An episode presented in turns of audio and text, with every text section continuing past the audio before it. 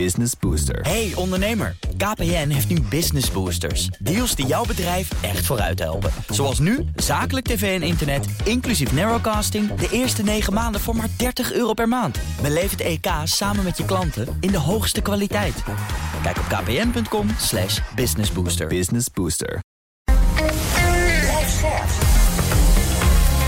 BNR Nieuwsradio. The Big Five.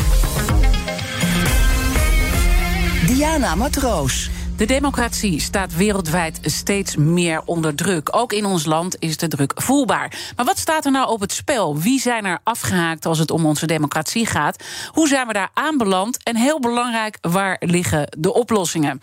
Dat onderzoek ik deze week in BNR's Big Five. Van de democratie onder druk met vijf kopstukken. Vandaag pakken we een meer wetenschappelijk perspectief met Jervi Oesman. Hij is hoogleraar staatsrecht aan de Universiteit van Amsterdam. Welkom, fijn dat je er bent. Dankjewel. Ik ga het natuurlijk zo meteen uitgebreid met je hebben over nou ja, de gevaren rond onze democratie.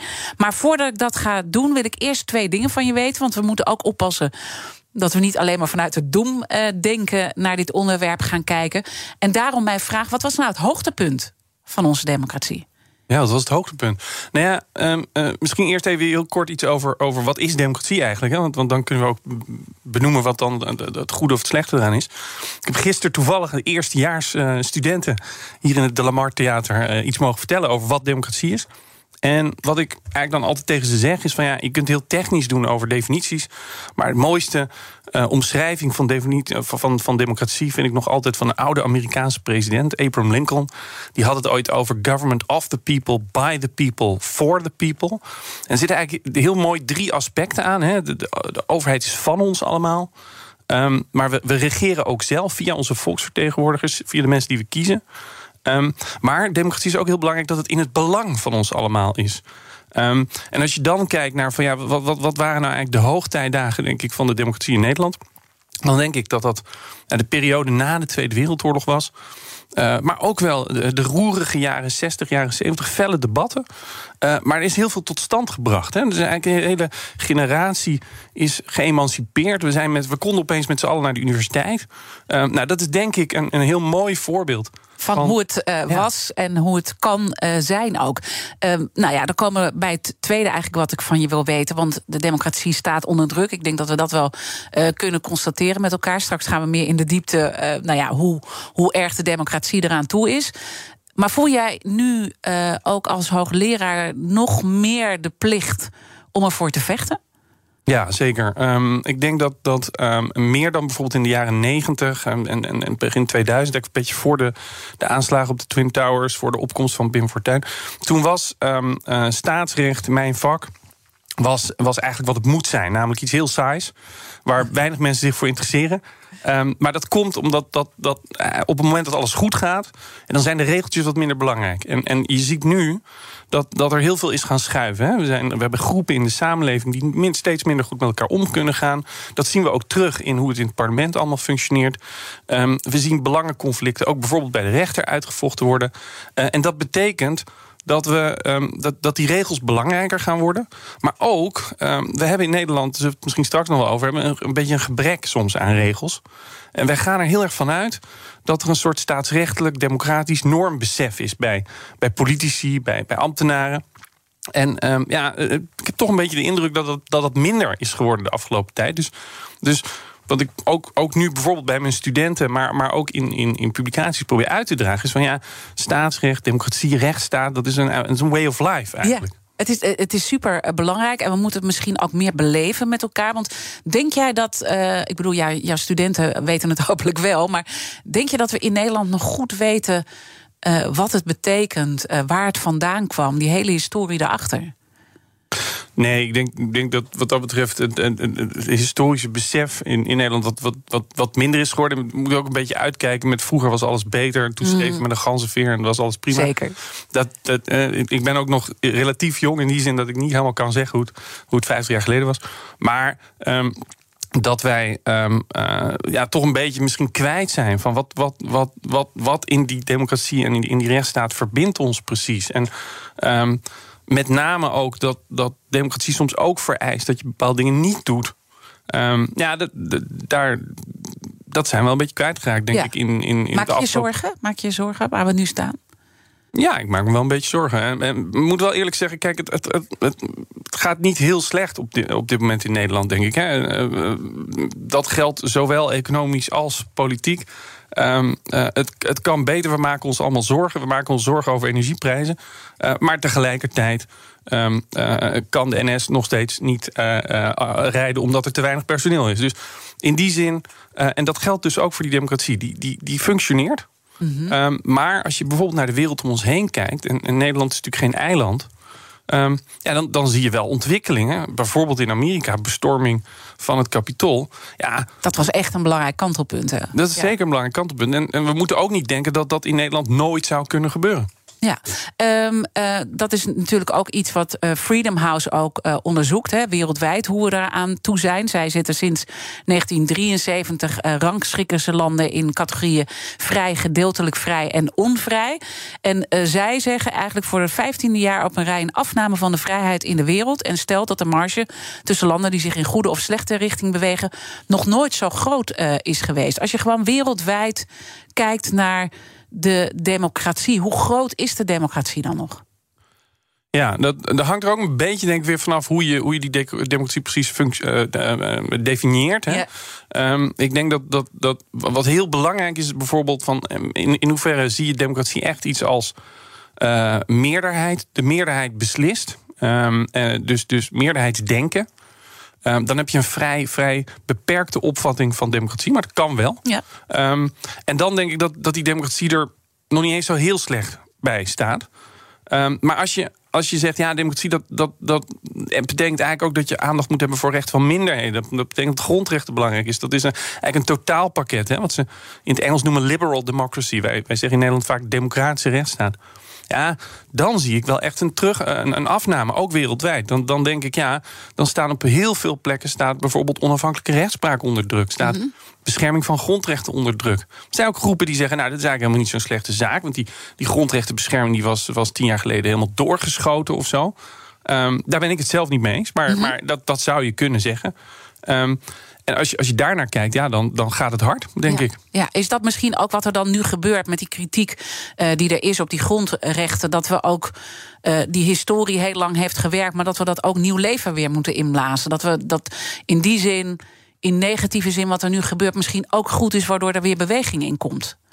Ja, nou ja, goed, kijk, ik, ik denk dat eh, voor wat betreft die grondrechten, dat is een interessant punt. Die, die, die, die grondrechten die zijn in ontwikkeling, al, al, al decennia lang. Ehm, en ook ons denken over wat, wat grondrechten precies zijn, wat, wat ook hun functie is. En het, het ging natuurlijk na de Tweede Wereldoorlog. Dat was, dat was zo'n indrukwekkend moment. ehm, eh, dat nie wieder. Ehm, toen hadden grondrechten heel erg de tijd mee. Maar dat, dat waren heel duidelijk eh, blokken. Daar mocht je als overheid niet aankomen. Ehm, en en wat, wat zie je dan vanaf de jaren, eind jaren 80, jaren 90? Dan zie je dat het eigenlijk heel goed gaat in de westerse wereld. En dan, maar dan veranderen die grondrechten, denk ik, vooral van, van functie. Die krijgen meer de, de functie dat, dat de overheid steeds meer ehm, eh, eh, positieve plichten krijgt. Voor mensen gaat zorgen. Hè? Dat is ook weer die, die positieve kant van democratie. Ehm, en die grondrechten spelen daar ook een rol in. Dus die grondrechten zijn niet meer alleen maar om ervoor te zorgen dat de treinen niet meer naar het oosten gaan rijden.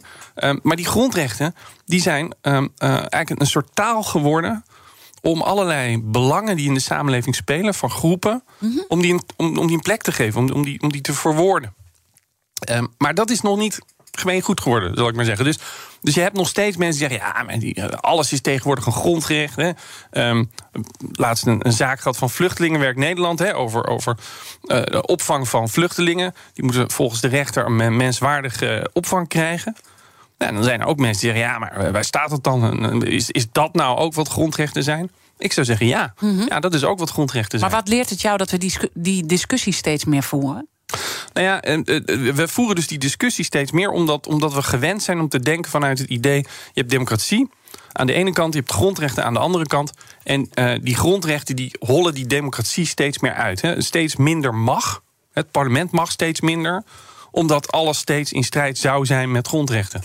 Ehm, en en als, je, als je er zo naar kijkt, ja, dan, dan denk je, ja, dan, mag het wel een, misschien een, een tandje minder met die grondrechten. The Big Five. Diana Matroos. Mijn gast is Jervi Oesman. Hij is hoogleraar staatsrecht aan de Universiteit van Amsterdam. Uh, we hebben al een beetje in die geschiedenis uh, met jou gekeken uh, samen. Maar misschien is het toch nog goed om vanuit historisch perspectief en die democratie die nu onder druk staat. te kijken of dat nou een heel unieke situatie is. Of kunnen we het vergelijken met dingen die in het verleden al zijn gebeurd? Want die democratie heeft natuurlijk wel vaker een beetje onder druk gestaan, denk ik. Ja, zeker. Nee, die democratie is, eigenlijk uh, vol continu in ontwikkeling geweest. En een, een van mijn grote helden van vroeger. Hij is, bij de MH17 helaas omgekomen. Willem Witteveen, nou, hoogleraar Tilburg. Die zei altijd: de democratische rechtsstaat is geen rustig bezit, geen huis waarin we rustig kunnen gaan slapen. Um, dus die democratie die heeft eigenlijk altijd al vanaf de 19e eeuw altijd wel onder druk gestaan. Ik denk wat, wat, wat, wat anders is. Kijk, uh, uh, we hebben lange tijd in Nederland ook verschillende bevolkingsgroepen gehad. die ehm, ja, toch een beetje op gespannen voet met elkaar leefden. Mm -hmm. Maar dat was mooi keurig op zijn Nederlands ingepolderd naar, ehm, in, in, de, in de verschillende zuilen. En aan de top van die zuilen werd wel samengewerkt. was wel de bereidheid om, om het debat te voeren. En wat we, wat we de laatste decennia, denk ik, zien, is dat er een, een, een verkilling van het klimaat is. Um, en, en, waarbij groepen in de samenleving steeds meer elkaar als vijand gaan zien. En ook in termen van vijandschap met elkaar gaan praten. Nou, dat heb je ook. Als, als je een historicus uitnodigt, die zal mij onmiddellijk gaan vertellen dat ja, dat had je toch ook wel in eind 19e, begin 20e eeuw. Um, maar toch denk ik dat het destijds misschien meer retoriek was. -hmm. um, en, en, en dat het tegenwoordig is in ieder geval mijn angst een beetje dat, dat, het, dat het echt realiteit is. En hoe zijn we op dat punt aanbeland? Ja, dat is een goede vraag. Ja. Dat is meer een vraag voor een socioloog dan voor een jurist, denk ik. Ja. Maar, um, nou... Um, je denkt er vast over na. Ja, vast. Uh, hobby, hobby-socioloog. Ja. Um, nou ja, ik, ik, ik, ik denk dat... Uh, waar, waar ik zelf bijvoorbeeld echt met verbazing naar heb gekeken... is, we, we, we komen uit de jaren negentig... waarbij het eigenlijk hartstikke goed ging. Zowel economisch, maar ook politiek. Heel stabiel.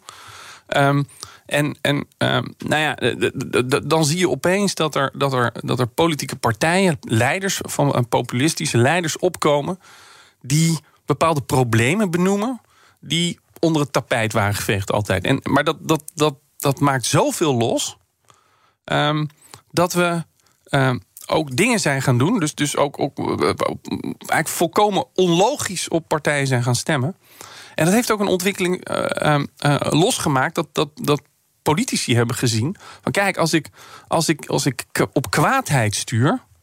Uh, dat, dan brengt mij dat meer electoraal Dat is een businessmodel eigenlijk. Het is een businessmodel, ja, inderdaad. Um, en uh, daar is inmiddels ook onderzoek naar gedaan. Hè. Er zijn psychologen die hebben dat onderzocht en die, die zeggen... ja, um, uh, mensen kwaad maken is eigenlijk makkelijker... dan op positieve emoties sturen. Um, alleen, ja, dat, we zijn in een soort, soort vrije val beland, denk ik. Mm -hmm. Ja, en, en daar speelt dan ook nog mee dat we, uh, denk ik. Uh, op een gegeven moment krijg je dan fake nieuws. Ik bedoel, we hebben altijd fake nieuws gehad, maar uh, de, de, de, de, de hoeveelheid nu is echt. Hè? Wij merken het ook in ons vak. Het is gewoon echt uh, veel lastiger geworden. Dat doet eigenlijk nog een, een schepje daarbovenop. Ja, zeker. Uh, ik denk wat, wat uh, vooral een rol speelt, is dat, dat door, door technologie, digitalisering dat het de, de megafoon eigenlijk van, van degene die die, die um, uh, onjuiste berichten de wereld instuurt, veel, veel groter is geworden. Hè? De, de, de dorpsgek, om het zo maar te zeggen, hadden we altijd al. Uh, maar ja, die, die stond voor het café en uh, kon drie mensen bereiken. Um, en tegenwoordig bereikt hij duizenden mensen. En um, nou ja, op het moment dat invloedrijke figuren, hè, president Trump is, is denk ik de bekendste, Boris Johnson in het Verenigd Koninkrijk. Op het moment dat, dat, dat die mensen hun, hun invloed en hun media, media ook inzetten, ja, dan, dan, dan kan het heel hard gaan. Uh, en dat is zeker een probleem ook voor, voor de kwaliteit van het democratische debat. En dan zie je natuurlijk uh, dit zich ook allemaal vertalen in het parlement. Hè. We hebben natuurlijk ook ontzettend veel partijen. Daar sprak ik gisteren over met onze eigen uh, uh, politiek verslaggever in Den Haag, Sophie van Leeuwen. het zijn er nu twintig. we kunnen dus ook al die partijen kunnen tegen elkaar uitspelen. Wordt ook verweten. partijpolitiek. Hoe, hoe vind jij dat wij kijken naar ons parlement. We zijn er heel kritisch ook over. Is dat terecht? Ik denk dat we terecht kritisch zijn. Um, over die, die vraag van ja, hè, er zijn ontzettend veel politieke partijen. Ja, daar kun je eigenlijk op twee manieren naar kijken. Dus je kunt zeggen, um, en dat is ook al wel langer geleden uh, gezegd, wordt, wordt door veel van mijn collega's, uh, Paul Bovenleer, toch leraar in Nijmegen, zegt dat bijvoorbeeld al. Ja, die, ja, kijk, de, de, de, de, de de, de, de, bestuurskracht, zeg maar, hè, het vermogen voor de, van de politiek om, om beslissingen te nemen, ja, die neemt natuurlijk wel af. Op het moment dat, er, dat, dat dat hele parlement heel erg versnipperd is. En tegelijkertijd um, zou je ook kunnen zeggen. Van ja, um, uh, juist het feit dat dat, dat, dat parlement zo. Dat, dat daar zoveel partijen in zitten. Dat maakt het bijvoorbeeld ook meer nodig om met elkaar samen te werken. Dat is op zichzelf ook wel positief. Um, en uh, dat maakt het ook dat, dat bijvoorbeeld ons systeem misschien wat minder vatbaar is voor bijvoorbeeld die ontwikkelingen die we in, in Engeland en, en, en in, in Amerika hebben gezien. En nu bijvoorbeeld in Brazilië gisteren. Ja. Um, he, uh, uh, een beetje autocratische figuren Um, die, die de macht willen grijpen. Ja, dat in, in zo'n systeem waarbij je. 50... veel lastiger eigenlijk. Ja, bij ons kan dat niet. Ja. Je moet samenwerken met, met 15 andere partijen. Het wordt vrij lastig om dan echt de macht te grijpen. Dus in die zin zou je ook misschien wel kunnen zeggen. Nou, dat, dat... Moeten ze misschien blij zijn in deze tijd dat we nou ja, zo veel partijen hebben. Uh, om, om, om, om, dat dat in ieder geval uh, niet gebeurt. Toch, als je kijkt hoe we ons verhouden tot, uh, tot het kabinet, het parlement. dan is er heel veel wantrouwen. En ook in dat parlement zie je hetzelfde gebeuren. En dat heeft eigenlijk ook misschien wel. Nou ja, je bent geen socioloog en psycholoog. Maar die kwaadheid als businessmodel. dat is een eigen leven uh, misschien uh, gaan leiden. Is dat nu ook de kern waarmee onze democratie in gevaar wordt gebracht? Dat wantrouwen, wat er allemaal onder ligt? Ja. Ja, ik denk het wel. Dus ik denk dat een van de grootste gevaren voor het huidige politieke systeem is dat wantrouwen. Um, uh, van burgers jegens de politiek, ook van politici en burgers jegens elkaar. Mm -hmm. het, het, het, was toch een jaar of vijftien geleden. Uh, wel, wel vrij gebruikelijk nog uh, in, in politiek Den Haag dat je elkaar in debatten stevig de maat nam.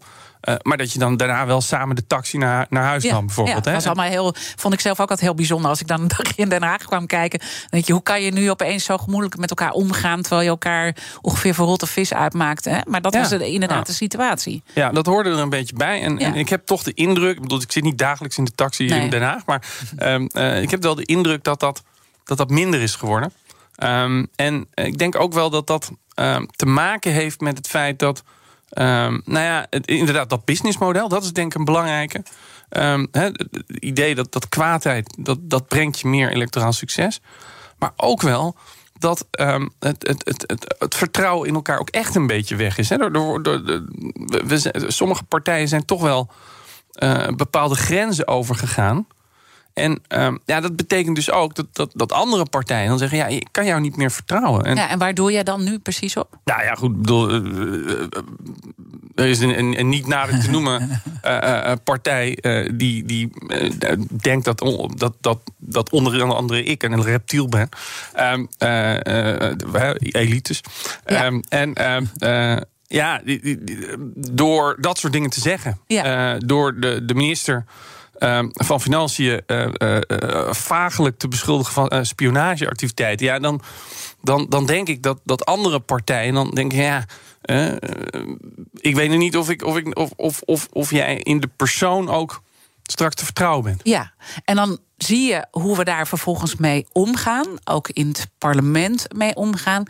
En doen we dan vanuit democratisch oogpunt de juiste dingen. Ik noem even het voorbeeld van, hè, je, je, hebt het net over elkaar, het weglopen uit de Kamer, waar vervolgens een heleboel op volgen op het moment dat zij dat doen. Is dat democratisch verstandig?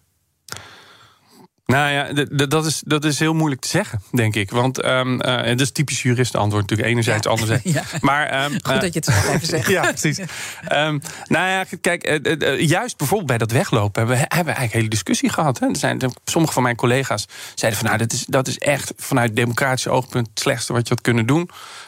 andere collega's zeiden... nee, er moest echt even een statement gemaakt worden. En, en, en dat was goed. Ik neig zelf naar die tweede... Uh, uh, richting. Ik denk dat het kabinet moest iets doen. Ja. Ehm, en en uh, kijk, de effectiviteit daarvan kun je natuurlijk afvragen. Ik bedoel, het is niet zo dat, dat door weg te lopen men bij Forum nu denkt: oh, laten we dat nou niet meer doen. Nee, zo werkt dat natuurlijk niet. Ik bedoel, dit, dit speelde ook een beetje in het, mee in het, in het straatje van wat Forum natuurlijk wil, namelijk reuring veroorzaken.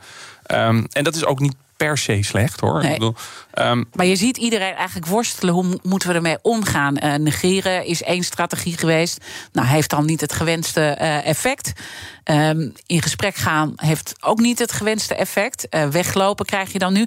Dus er zit een, er zit een worsteling. Ja, er zit zeker een worsteling. En wat, wat, wat steeds een beetje door elkaar heen loopt, is, is de vraag van um, hoe effectief is iets? Mm -hmm. um, en, en, en daar moeten we gewoon realistisch in zijn. Vaak ook niet echt. -hmm. En toch is het soms belangrijk om te markeren: dit, dit gaat eigenlijk de grenzen van het aanvaardbare te buiten. Uh, en in die zin, bijvoorbeeld, we hebben die dezelfde discussie gehad over: moet uh, uh, Geert Wilders vervolgd worden? Uh, wegens uitspraken. Ook daarvan kun je zeggen: ja, had dat nou zoveel zin dat hij vervolgd is? Nou, ik denk dat het in ieder geval symbolisch belangrijk was. Dat de Want daarmee leg je ook de democratie uit, wat, wat ja, het ook behelst. Ja, hè? ja zeker. Ja. Uh, je mag niet aanzetten tot haat, bijvoorbeeld. Hè? Dat is dan zo'n belangrijk uh, aspect daarvan. Oké, okay, dus, dus, dus dit is het parlement. Uh, maar, maar, maar wij doen hier ook natuurlijk iets in als burgers. Want we eisen ook heel veel van uh, die overheid. We willen van alles. We willen daadkracht. We willen dat dingen snel gaan.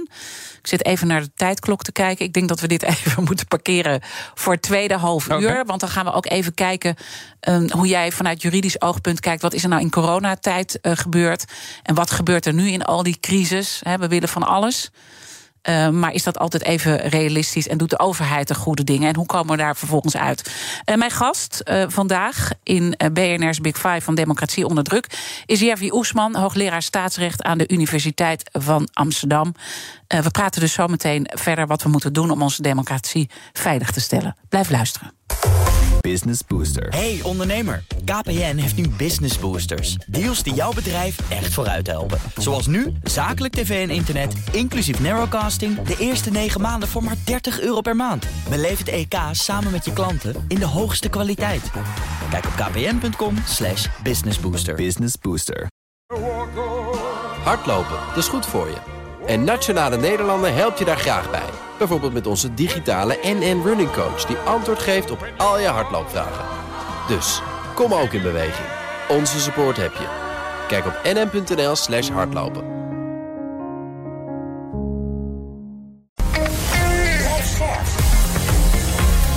BNR Nieuwsradio. The Big Five. Diana Matroos. Welkom bij het tweede halfuur. Deze week praat ik met vijf kopstukken uit de wereld van de democratie. Morgen dan zal ik spreken met Hanke Bruins-Slot, onze minister van Binnenlandse Zaken en Koninkrijksrelaties. Mijn gast vandaag is Jervi Osman. Hij is hoogleraar staatsrecht aan de Universiteit van Amsterdam. En het komend half uur wil ik in ieder geval nog uh, twee onderwerpen met je bespreken: de toekomst van onze democratie en hoe we hem eigenlijk weer veilig moeten stellen en uh, onze rechtsstaat. En laten we met dat laatste beginnen. En die wil ik eigenlijk uh, beginnen door de kettingvraag te laten horen. Want mijn gasten stellen elkaar vragen via de kettingvraag. En in de vorige aflevering sprak ik met onze eigen politiek verslaggever Sophie van Leeuwen. Sophie had deze vraag voor jou. Um, wat mij wel bezighoudt is die ontzettende clash de hele tijd tussen de, de, de rechtsstaat of, of de rechters en, en de politiek. Uh, dat gaat de hele tijd mis. We hebben deze week weer een stikstofuitspraak. Ligt waarschijnlijk weer alles plat in de behaal. Dus de politiek loopt tegen die grenzen aan van die rechtsstaat. Dus ik zou hem willen vragen: hoe, wat gaat daar mis volgens hem? Dus waarom, is, dat, is dat populisme dat je belooft iets en je kunt het toch niet waarmaken?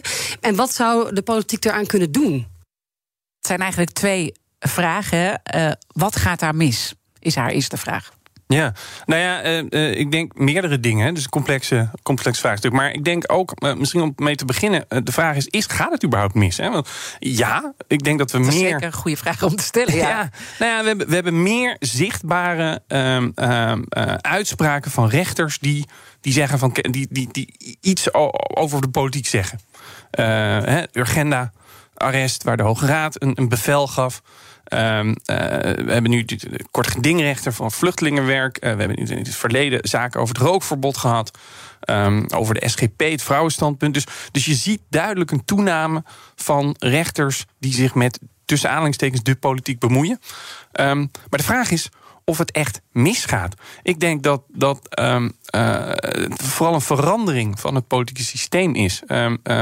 we zijn geneigd om eh, in de samenleving, ook als burgers, meer te denken in termen van recht. Um, gisteren zag ik nog een, een, kop van iemand, uh, volgens mij was het eh, NRC-columnist Christian Wijts. Die had het over het recht op genot, geloof ik, of, of, of vermaak. Um, en, um, en dat is ook helemaal niet zo gek meer vandaag de dag. Om, om, om ook in je voor, leven. Voor je rechten op te komen. Precies. Um, en, uh, en dat kun je heel fout vinden. We kunnen zeggen, ja, dan moeten we, moeten, dan, dan moeten, moeten weer terug naar de tijd dat, je, dat we niet in termen van recht dachten. Maar ik denk ook wel dat het te maken heeft met een, een, een zekere maat van vooruitgang. In de zin dat we het denken in termen van recht betekent ook dat we dingen op vreedzame wijze op een zo eerlijk mogelijke wijze willen oplossen. Dat kan niet altijd. Soms heb je mhm. politiek nodig om gewoon belangenbehartiging te doen. Ik ben sterker dan jij. Uh, maar um, uh, zoveel mogelijk om het te proberen op een eerlijke manier uh, te regelen. Op een proportionele, even, evenwichtige manier. Ja, dat, daar, daar kan je dat recht vaak wel goed ja, voor want, gebruiken. Want, want is dat recht ook, wordt dat eigenlijk gewoon ook gebruikt als een soort emancipatie? Ja, ja, je kunt het recht gebruiken. Uh, bepaalde groepen in de samenleving kunnen dat recht gebruiken om. Uh, om te emanciperen. Uh, het beroemdste voorbeeld, denk ik, uit, uit, uit de jaren 50 alweer. Is, is in Amerika hè, de, de, de, ehm, de positie van Afro-Amerikaanse kinderen op scholen. Die, de, de NAACP, de belangengroepering, ging naar de rechter en kreeg gedaan dat die kinderen ook naar zogenaamde tussen aanhalingstekens witte scholen mochten. Um, nou ja, dat, dat is een, een manier om, om een beetje de, de, de schaduwzijde van het politieke proces mm -hmm. ook. Um, Want dat is natuurlijk ook democratie. Dat je ook zorgt dat die, uh, nou ja, die, die stemmen die minder gehoord worden, toch gehoord worden. En daar is die rechter dan voor. Zeker, zeker. En, en uh, die grondrechten die, die, eh, ik zei het eigenlijk voor de, voor, voor de pauze al, die, die, die kunnen eigenlijk een, een, uh, een soort taal zijn uh, om, uh, waarmee je de, de, de, de, de dames en heren politici um, ter verantwoording kunt roepen. Ja. Dat, dat, dat men ook het beleid uitlegt. Want we hebben, en dat, dat is een ontwikkeling die mij nu bijvoorbeeld zorgen maakt, is dat, dat in de politiek, juist door de opkomst van, van mensen als, als Trump, Johnson, weer bottenmachtspolitiek gewoner is geworden. Hè? Ik kan dit doen omdat ik nou eenmaal de meerderheid heb. Um, en dat zien we in Nederland ook al een klein beetje hoor. Ik bedoel, um, uh, uh, ooit hadden we de slogan leuke dingen doen voor linkse mensen. Ik geloof het eerste kabinet Rutte zei: uh, dit is een kabinet waar rechtse mensen hun vingers bij aflikken. Ja, dat, dat, dat gaat toch een beetje uit van: ik heb nu de meerderheid, ik kan doen wat ik wil. En wat die grondrechten nou doen, is dat ze meerderheden dwingen om uit te leggen. Um, uh, in het internationale debat noemen we dat een culture of justification. Mm -hmm. uh, en daar kunnen rechters, denk ik, een belangrijke rol spelen. Dus in die zin. Vind je het helemaal niet zo'n slechte ontwikkeling? Nee, vind ik het geen slechte ontwikkeling. Maar is er ook een maar? Is er ook van we moeten nu oppassen? We zitten op een, een soort scheidslijn waar we nu beginnen te komen. Ja, nou kijk, uh, uh, dat er dus rechters zich met dit soort dingen zijn gaan bemoeien, dat is niet een probleem. Wat wel nog een probleem is, is dat die rechter worstelt met hoe kan ik die uitspraak nou zo vormgeven dat dat tot een mooie dialoog eigenlijk leidt tussen de rechter en de politiek, zonder dat er allerlei ja, hiccups optreden. Hè? Dus dat, dat uh, want, want een van de dingen die in de vraag voorkwam was: ja, straks ligt de bouw weer stil. En dat willen we natuurlijk allemaal ook niet. Dus op de een of andere manier willen we het systeem zo vormgeven dat die rechter wel die, die, die politiek en die wetgever kan wijzen op allerlei problemen, kan dwingen om, om betere uitleg te geven en tegelijkertijd dat proces zo stroomlijnen dat, dat de politiek daar ook snel iets mee kan doen. Uh, zonder dat dat tot grote maatschappelijke problemen leidt. Nou, daar, daar worstelen rechters mee. Daar vind ik dat de politiek zich ook meer mee bezig mee zou moeten houden. Hoe op welke manier? Nou ja, kijk, um, en het wordt toch een beetje technisch als jurist, mm. maar, maar het hele procesrecht, hè, dus het, het recht dat, dat over het rechtelijk proces gaat, dat is eigenlijk niet ingericht op zo'n rol voor de rechter. Um, dus uh, uh, wij hebben nog in Nederland een heel gek systeem eigenlijk. We hebben geen constitutioneel hof, zoals onze buren allemaal wel hebben, waar, waar je naartoe kunt gaan als, als een wet in strijd is met grondrechten. Wij doen het allemaal via de, de gewone rechter, de burgerlijke rechter. Uh, maar ja, die, die, die heeft toch een, een, een. De regels die dat proces uh, uh, reguleren. Dat zijn de regels die, die ook het proces reguleren uh, als, je, als je wasmachine het niet doet en je wil hem ja. terugbrengen. Nou ja, en, en, met, met de enorme wachttijden die er zijn. Hè? Ik bedoel, dus, dus ja, ja dat, dat, dat houdt sowieso de boel op. Dus jij zou eigenlijk pleiten voor zo'n constitutioneel hof? Nou ja, maar ik ben ook realist. En ik weet dat het daar niet snel van gaat komen. Wat, waar ik eigenlijk Wordt wel over voor... nagedacht, toch? Wordt zeker over nagedacht. Maar ik ben vrij sceptisch over of dat er ooit komt. Wat, wat, wat realistischer is dat, dat we wel toetsing van wetgeving aan de grondwet mogelijk gaan maken. Uh, maar bijvoorbeeld het huidige kabinet, hè, de minister die morgen te gast komt, die heeft dat zelf opgeschreven. Uh, die, die zegt, nou, het past beter bij ons systeem als we dat bij die gewone rechter laten. Dat kan ook wel. Niet per se fundamentele bezwaren tegen. Maar dat vind ik wel. Dan moet je ook nadenken over hoe je die rechter meer tools in handen kunt geven om dat, soort, dat soort beslissingen op een, op een meer evenwichtige manier vorm te geven. Um, en dat betekent dus ook dat we bijvoorbeeld meer staatsrechtelijk besef en staatsrechtelijke kennis bij die gewone rechter, bijvoorbeeld bij de Hoge Raad, organiseren. Die Hoge Raad, dat zijn allemaal uh, uh, ontzettend slimme, hm. intelligente, uh, hoogopgeleide mensen, maar die houden zich bezig met strafrecht, burgerlijk recht, belastingrecht. Dat is, dat is waar hun kennis van uitgaat. En ja, die, die, zeker als je bijvoorbeeld naar die Urgenda-zaak kijkt, nou, daar valt toch wel staatsrechtelijk nog het een en ander op af te dingen. Um, en Zoals? Nou ja, de, de, de, ik ben een van de, volgens mij een van de weinige staatsrechtjuristen die erg een groot fan was van, van die uitspraak. Um, maar um, de manier waarop de Hoge Raad zei: ja, je hebt dus recht en politiek. En uh, dit is uh, recht en geen, dus geen politiek. Ja, dat, dat was wel een beetje kort door de bocht. Dat miskende toch wel een beetje dat wat de Hoge Raad daar van de politiek vroeg, wel echt, of niet eens vroeg, hè, beval.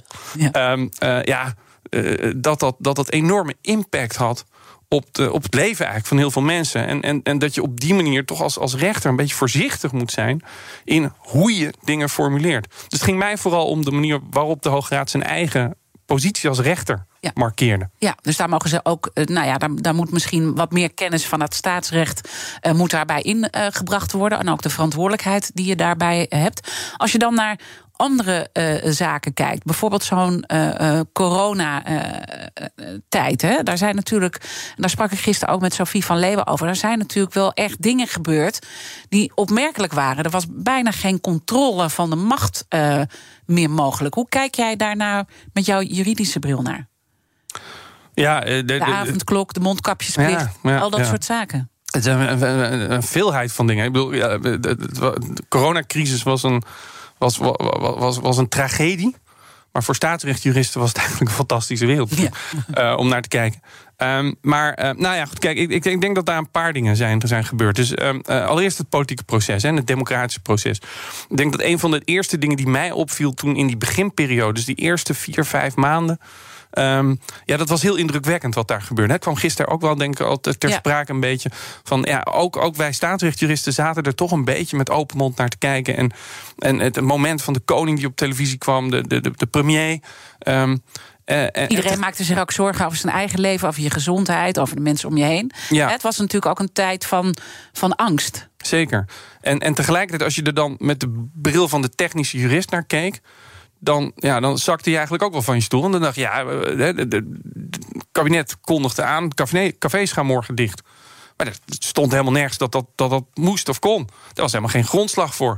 Um, ja, die, die moest dan even nog gemaakt worden. En, dat, en dat, dat werd dan in eerste instantie via uh, noodverordeningen hè, van, van, van voorzitters van veiligheidsregio's, lees burgemeesters, mm -hmm. gedaan. Ja, daar heeft de Raad van State later ook wel van gezegd: van ja, dat, dat, dat kon eigenlijk allemaal niet zo.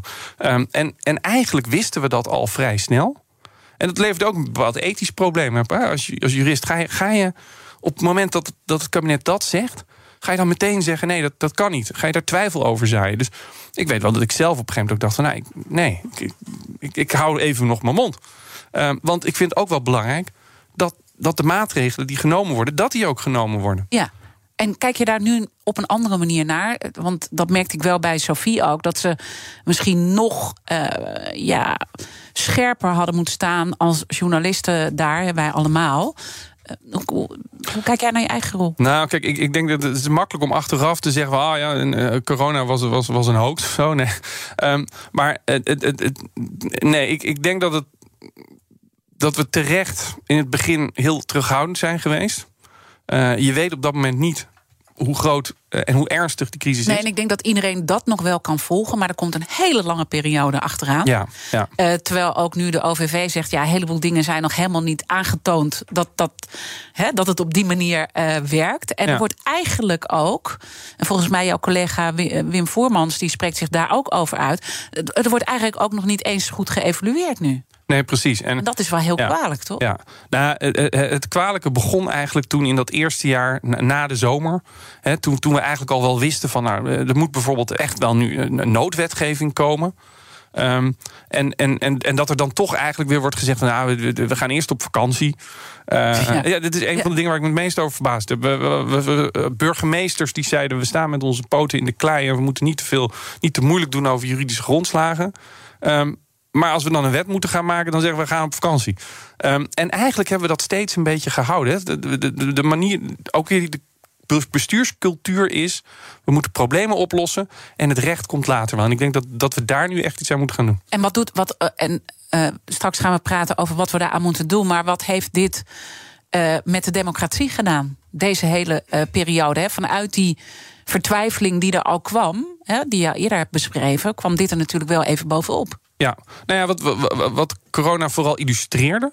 was dat de politiek toch meer bezig is met, met de waan van de dag... en problemen oplossen dan met ehm, eh, eh, democratie organiseren, debat organiseren. Business Booster. Hey ondernemer, KPN heeft nu Business Boosters. Deals die jouw bedrijf echt vooruit helpen. Zoals nu, zakelijk tv en internet, inclusief narrowcasting... de eerste 9 maanden voor maar 30 euro per maand. Beleef het EK samen met je klanten in de hoogste kwaliteit. Kijk op kpn.com slash businessbooster. Business Booster. Hardlopen, dat is goed voor je. En Nationale Nederlanden helpt je daar graag bij. Bijvoorbeeld met onze digitale NN Running Coach... die antwoord geeft op al je hardloopvragen.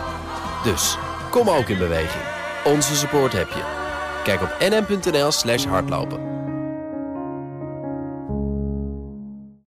BNR Nieuwsradio. The Big Five. Diana Matroos. Je luistert naar BNR's Big Five van de democratie onder druk. Later deze week zal ik nog spreken met voormalig Tweede Kamervoorzitter Gerdy Verbeet. Mijn gast vandaag is Jeffy Oesman. Hij is hoogleraar staatsrecht bij de Universiteit van Amsterdam. En mijn gasten stellen elkaar vragen via de kettingvraag. Je hebt er net al één eh, beantwoord, eh, maar die vraag gaat natuurlijk eh, door. En je zei het zelf ook al, Hanke Bruins-Slot, minister van Binnenlandse Zaken en Koninkrijksrelaties, is morgen mijn gast. Wat zou je haar willen vragen? Nou, kijk, een, een van de dingen waar we, waar we volgens mij nu ons met z'n allen een beetje zorgen over maken, is ehm, ook de toekomst. Hè? Van hoe kunnen we dit nou in de toekomst, dat, dat, dat democratisch besef, ook bij politici, maar ook bij burgers. Hè? Burgers zijn vreselijk, zijn vreselijk belangrijk, zeker in onze eigen democratie.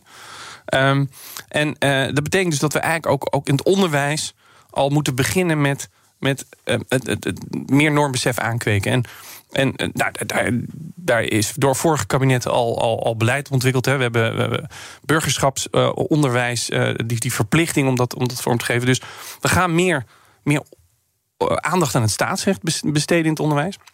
Maar waar ik toch wel heel benieuwd naar ben, ook, ook hoe de minister er tegenaan kijkt, is van ja, hoe, hoe, organiseren we dat? Hè? Ze is van het CDA, een partij waar, waar die, die altijd heel erg het maatschappelijk middenveld erbij wil betrekken. Hoe gaan we dat doen? Kunnen we universiteiten daarbij betrekken? Ehm, hoe gaan we ervoor zorgen dat dat niet gewoon een, soort afvinklijstje wordt? Van eh, ja, eh, leerkrachten moeten ook even iets over de grondwet zeggen. Ehm, hoe gaan we dat, dat, dat, dat, dat iets moois maken? Want ik hoor wel van heel veel leerkrachten die zeggen: Ja, ik heb helemaal geen kennis van die grond. Het, het interesseert me eigenlijk ook niet zoveel. Nee, nee, nee Eh, want zo begonnen we eigenlijk ook eh, de uitzending. Hè? Dat, dat, dat we misschien ook allemaal niet meer goed weten wat het is. En dat het ons ook niet zoveel interesseert, want het is saai. Ja, ja. Dus, dus eigenlijk, heel concreet, kort jouw vraag aan haar. Hoe gaan we dat organiseren? Hoe gaan we organiseren dat kinderen ehm, eh, volwassen, constitutioneel verantwoordelijke burgers worden? Mooie vraag, die ga ik haar zeker stellen vandaag. Laten we ook even kijken uh, nou ja, wat jij misschien nog wel voor adviezen hebt uh, voor ons parlement. Want je doet ook uh, onderzoek naar wie de dragers zijn van onze democratie. En dan kijk je naar de media, maar je kijkt ook naar de gebruiken in het parlement.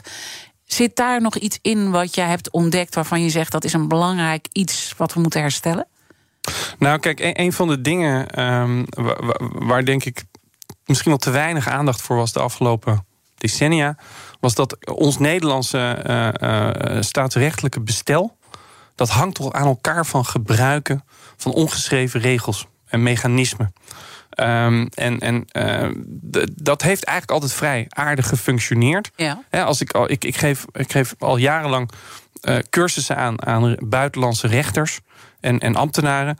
En, en die verbazen zich altijd over het totale gebrek aan regels bij ons. Uh, en, en, en ook de, de, bij geringe relevantie van de grondwet bijvoorbeeld. Uh, kan je een voorbeeld geven wat wij niet uh, opschrijven waarvan zij zeggen, huh? nou ja, het belangrijkste, meest zichtbaar is altijd dat, dat, wij dus geen toetsing van wetten aan de grondwet hebben in Nederland. terwijl eigenlijk alle andere rechtsstaten dat wel hebben. Uh, maar uh, ook zeker en zo belangrijk, bijvoorbeeld voor rechters, is uh, alle, alle regels die de onafhankelijkheid van de rechterlijke macht uh, waarborgen. Wij hebben vrij beperkte set regels. Um, en, en misschien ook nog wel een aardige. Ook de discussie de afgelopen jaren hè, in het parlement.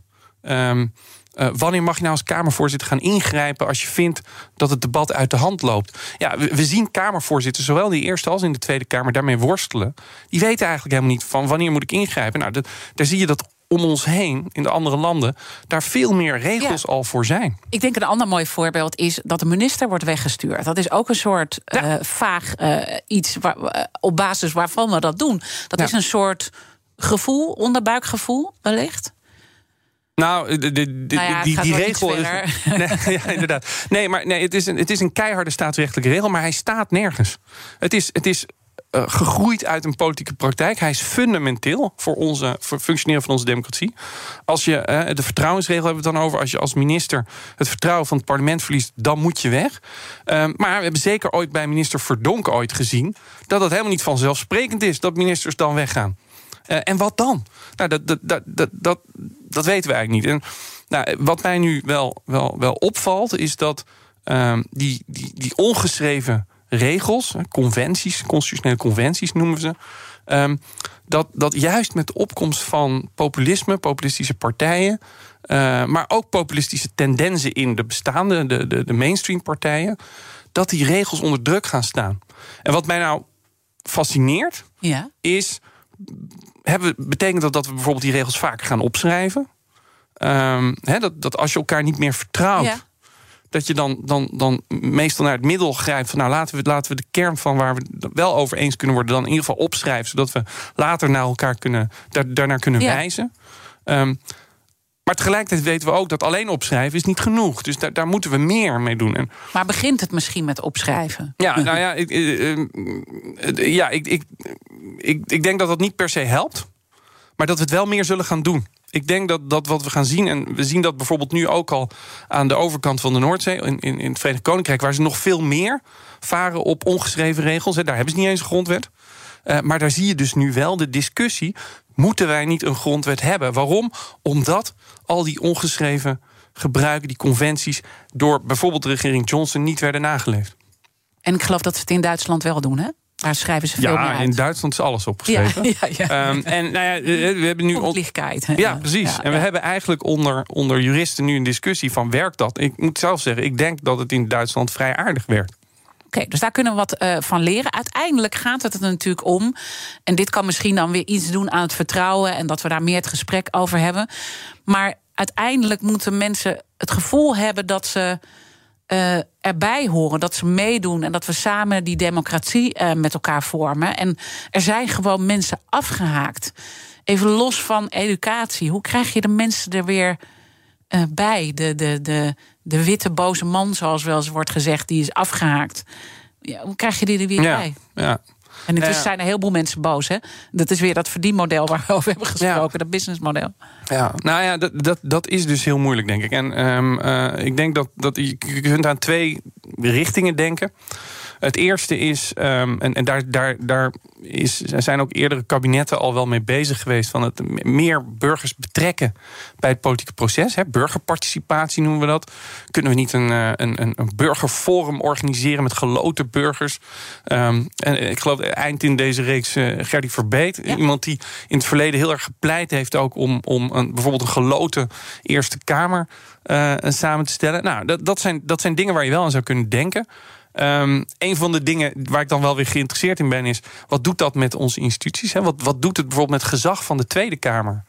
Uh, en ook de Eerste Kamer. Als je daar um, burgers, groepen burgers tegenover stelt, die zeggen wij, gaan zelf dingen beslissen. Um, dus dat is niet zonder gevaren. Burgerparticipatie heeft voordelen. Mhm. Het betrekt meer mensen erbij. En tegelijkertijd is, is een belangrijk gevaar dat het gezag van de bestaande instituties onder druk komt te staan. En ook uh, dat ja, toch weer dezelfde mensen die eigenlijk toch al wel in het politieke proces uh, participeerden, dat die gebruik maken van die burgerparticipatie. Dus ja, als is ook doen, dat weer lastig. Ja, ja, ja het is heel moeilijk. Ja. Laatste vraag: waar put je hoop uit? Ik wil toch een beetje hoopvol eindigen. Ja, nou kijk, waar, waar ik hoop uit. Er gaat ook heel veel goed. Hè? Ik bedoel, de angst komt vooral dat we, we kijken naar de wereld om ons heen. We kijken naar Oost-Europa, wat daar gebeurt. We kijken naar Amerika, wat daar gebeurt, naar Brazilië. En we denken, ja, kan dat hier ook gebeuren? En, en, en, en dan kijken we naar ons systeem en zeggen we, nou, dat geeft niet heel veel vertrouwen dat, dat er heel veel regels zijn die dat onmogelijk maken. Maar tegelijkertijd, het is niet gebeurd. Ik bedoel, we, we, hebben op dit moment nog echt wel een democratisch gelegitimeerde regering. We hebben een redelijk functionerend parlement. Um, en we komen er wel uit. Maar heel erg op zijn Nederlands. Het is allemaal een beetje. Het, het, gaat wel. Goed, nou, dat is een mooi uh, einde. Zo, dank dat je mijn gast wilde zijn vandaag. Jeffy Oesman, hoogleraar staatsrecht bij de Universiteit van Amsterdam. Luister ook alles uh, terug. Uh, BNR's Big Five is natuurlijk te vinden uh, uh, onze podcast via onze app of je favoriete podcastkanaal. Dan weet je zeker dat je niets mist. Maar blijf live. Zometeen iemand Verrips met BNR breekt. Ik wens je een mooie dag. Business Booster. Hey ondernemer. KPN heeft nu Business Boosters. Deals die jouw bedrijf echt vooruit helpen. Zoals nu, zakelijk tv en internet, inclusief narrowcasting... de eerste 9 maanden voor maar 30 euro per maand. Beleef het EK samen met je klanten in de hoogste kwaliteit. Kijk op kpn.com businessbooster. Business Booster.